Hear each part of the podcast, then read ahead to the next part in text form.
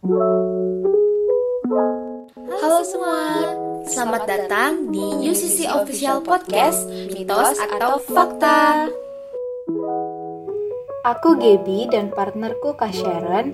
Di podcast Mitos atau Fakta kali ini, kami akan memberitahukan fakta-fakta menarik buat para pendengar podcast UCC. Kasih tahu dong Kak, fakta-faktanya tentang apa aja ya? Nah, fakta-fakta ini diambil dari buku Ellen G. White Writings dengan judul Membina Pola Makan dan Diet. Dan mungkin fakta-fakta ini adalah hal yang belum pernah didengar sebelumnya oleh teman-teman sekalian loh. Wah, jadi penasaran nih Kak. Kalau boleh tahu, pembahasan podcast kali ini itu tentang apa ya Kak? Pembahasan podcast kita kali ini adalah mengenai bahan-bahan yang sering digunakan dalam makanan atau minuman. Yuk, langsung aja kita bahas. Gula.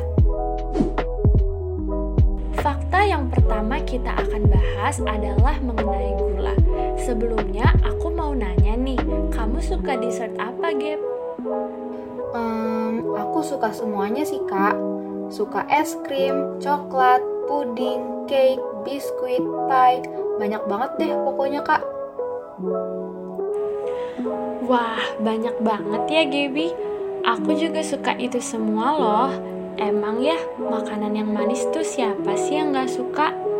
Nah, aku punya fakta menarik nih mengenai makanan manis ini, Gap. Semua makanan yang mengandung gula menyebabkan fermentasi di dalam perut. Dan itu menyebabkan gangguan pada otak dan tingkah laku kita loh. Nah, tadi kan Gaby bilang Gaby suka puding. Tahu nggak sih, kalau kita makan puding dan custard secara bersamaan, itu sangat membahayakan tubuh loh, karena kandungan telur susu dan gula jika digabung bersamaan dapat merusak tubuh.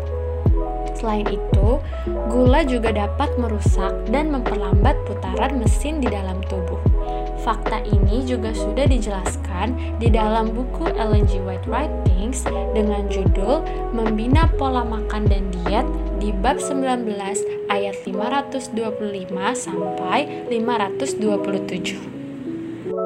Dan di bab ini juga Nyonya Ellen G. White menceritakan ada seorang yang tinggal di Montcalm County yang bernama Michigan.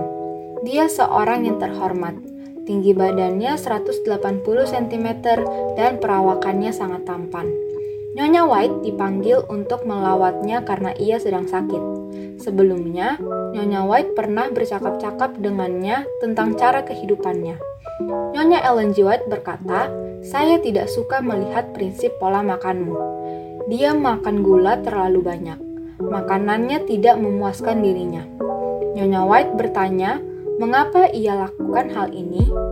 Dia katakan bahwa dia telah meninggalkan makanan daging. Dia tidak tahu bahan apa yang bisa menggantikannya selain gula. Makanannya tidak menarik seleranya karena istrinya tidak tahu cara memasak.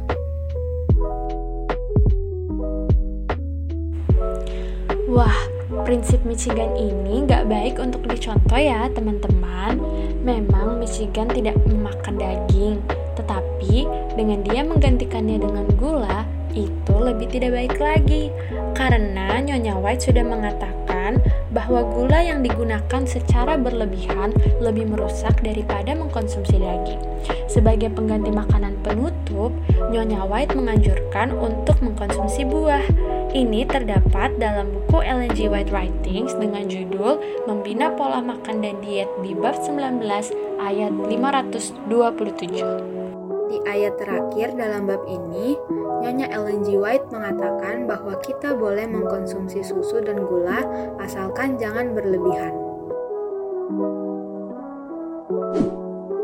Garam Fakta yang kedua, kita akan membahas mengenai garam.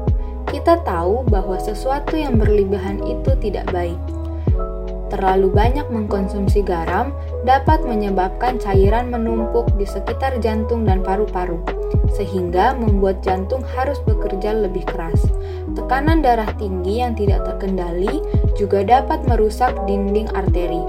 Kondisi ini bisa menyebabkan penumpukan lemak yang berpotensi memicu serangan jantung atau stroke.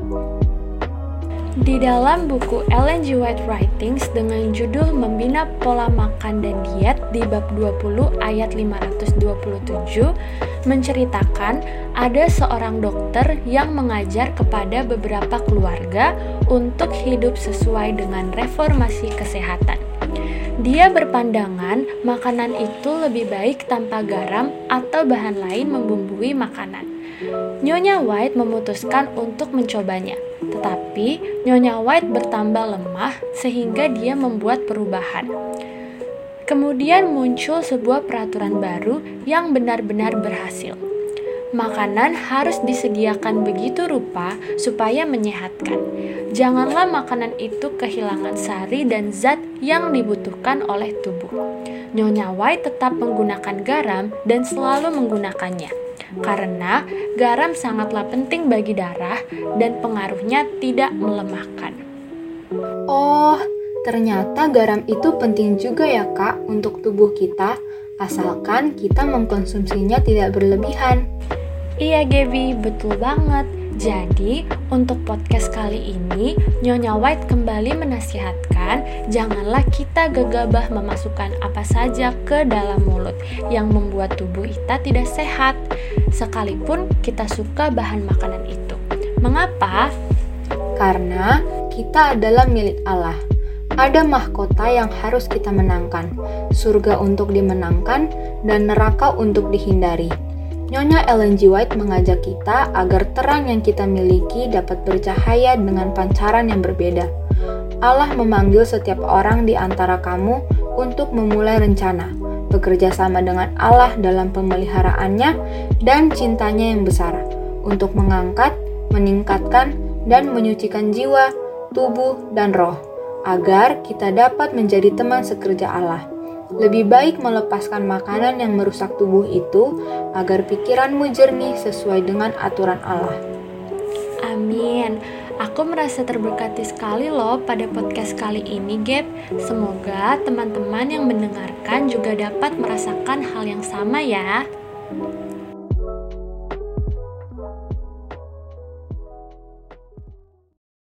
Terima kasih sudah mendengarkan episode podcast kali ini. Jangan lupa stay tune setiap Jumat malam untuk mendengarkan episode terbaru dari UCC Official Podcast. Sampai jumpa, Tuhan memberkati.